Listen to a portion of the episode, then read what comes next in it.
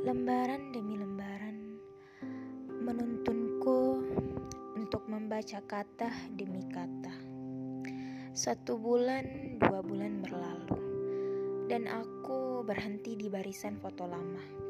Seseorang yang jika mendengar namanya disebut, saya langsung merinding, dan badan saya gemetar bukan main, seperti ada ikatan batin yang sudah melekat.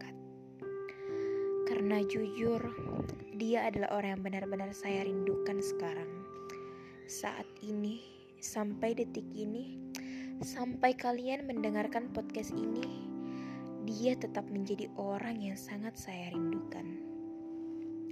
Kalian ngerasa nggak sih? Perindukan seseorang tanpa adanya pertemuan, terlebih lagi tanpa komunikasi, itu benar-benar sulit Rindu tapi tidak bisa bertemu, tidak bisa mendengar suaranya, bahkan sekedar chat pun tidak bisa.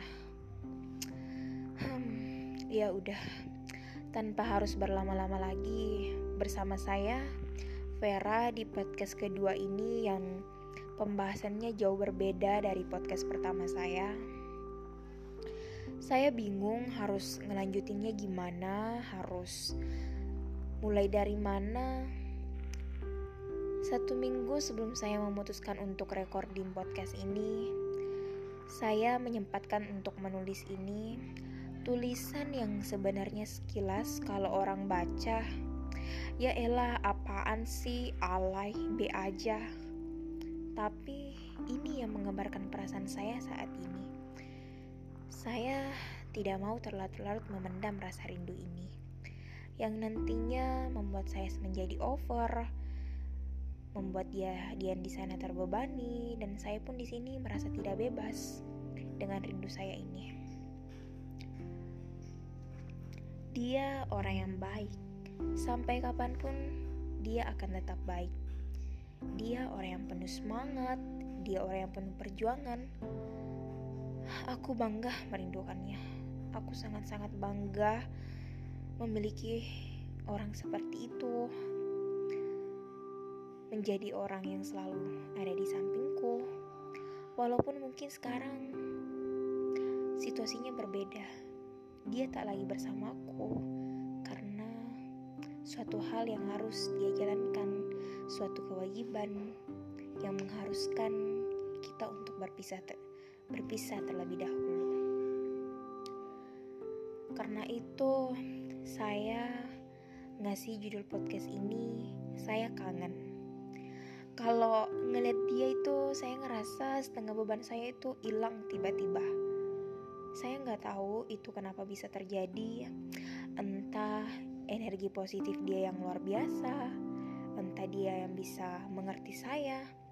Semua tuh seakan baik-baik saja ketika saya melihat dan bersamanya saya benar-benar bersyukur bisa bersama orang yang seperti itu. Mungkin kalian bertanya-tanya, saya rindunya kenapa? Kami berpisah karena apa? Dia sekarang sedang pendidikan. Alhamdulillah, jadi kami harus berpisah untuk beberapa bulan lagi. Dan ini kali pertamanya kita berpisah tanpa komunikasi LDR kami sudah terbiasa untuk LDR tapi LDR tanpa komunikasi ini baru pertama kali saya rasakan begitupun dengan dia.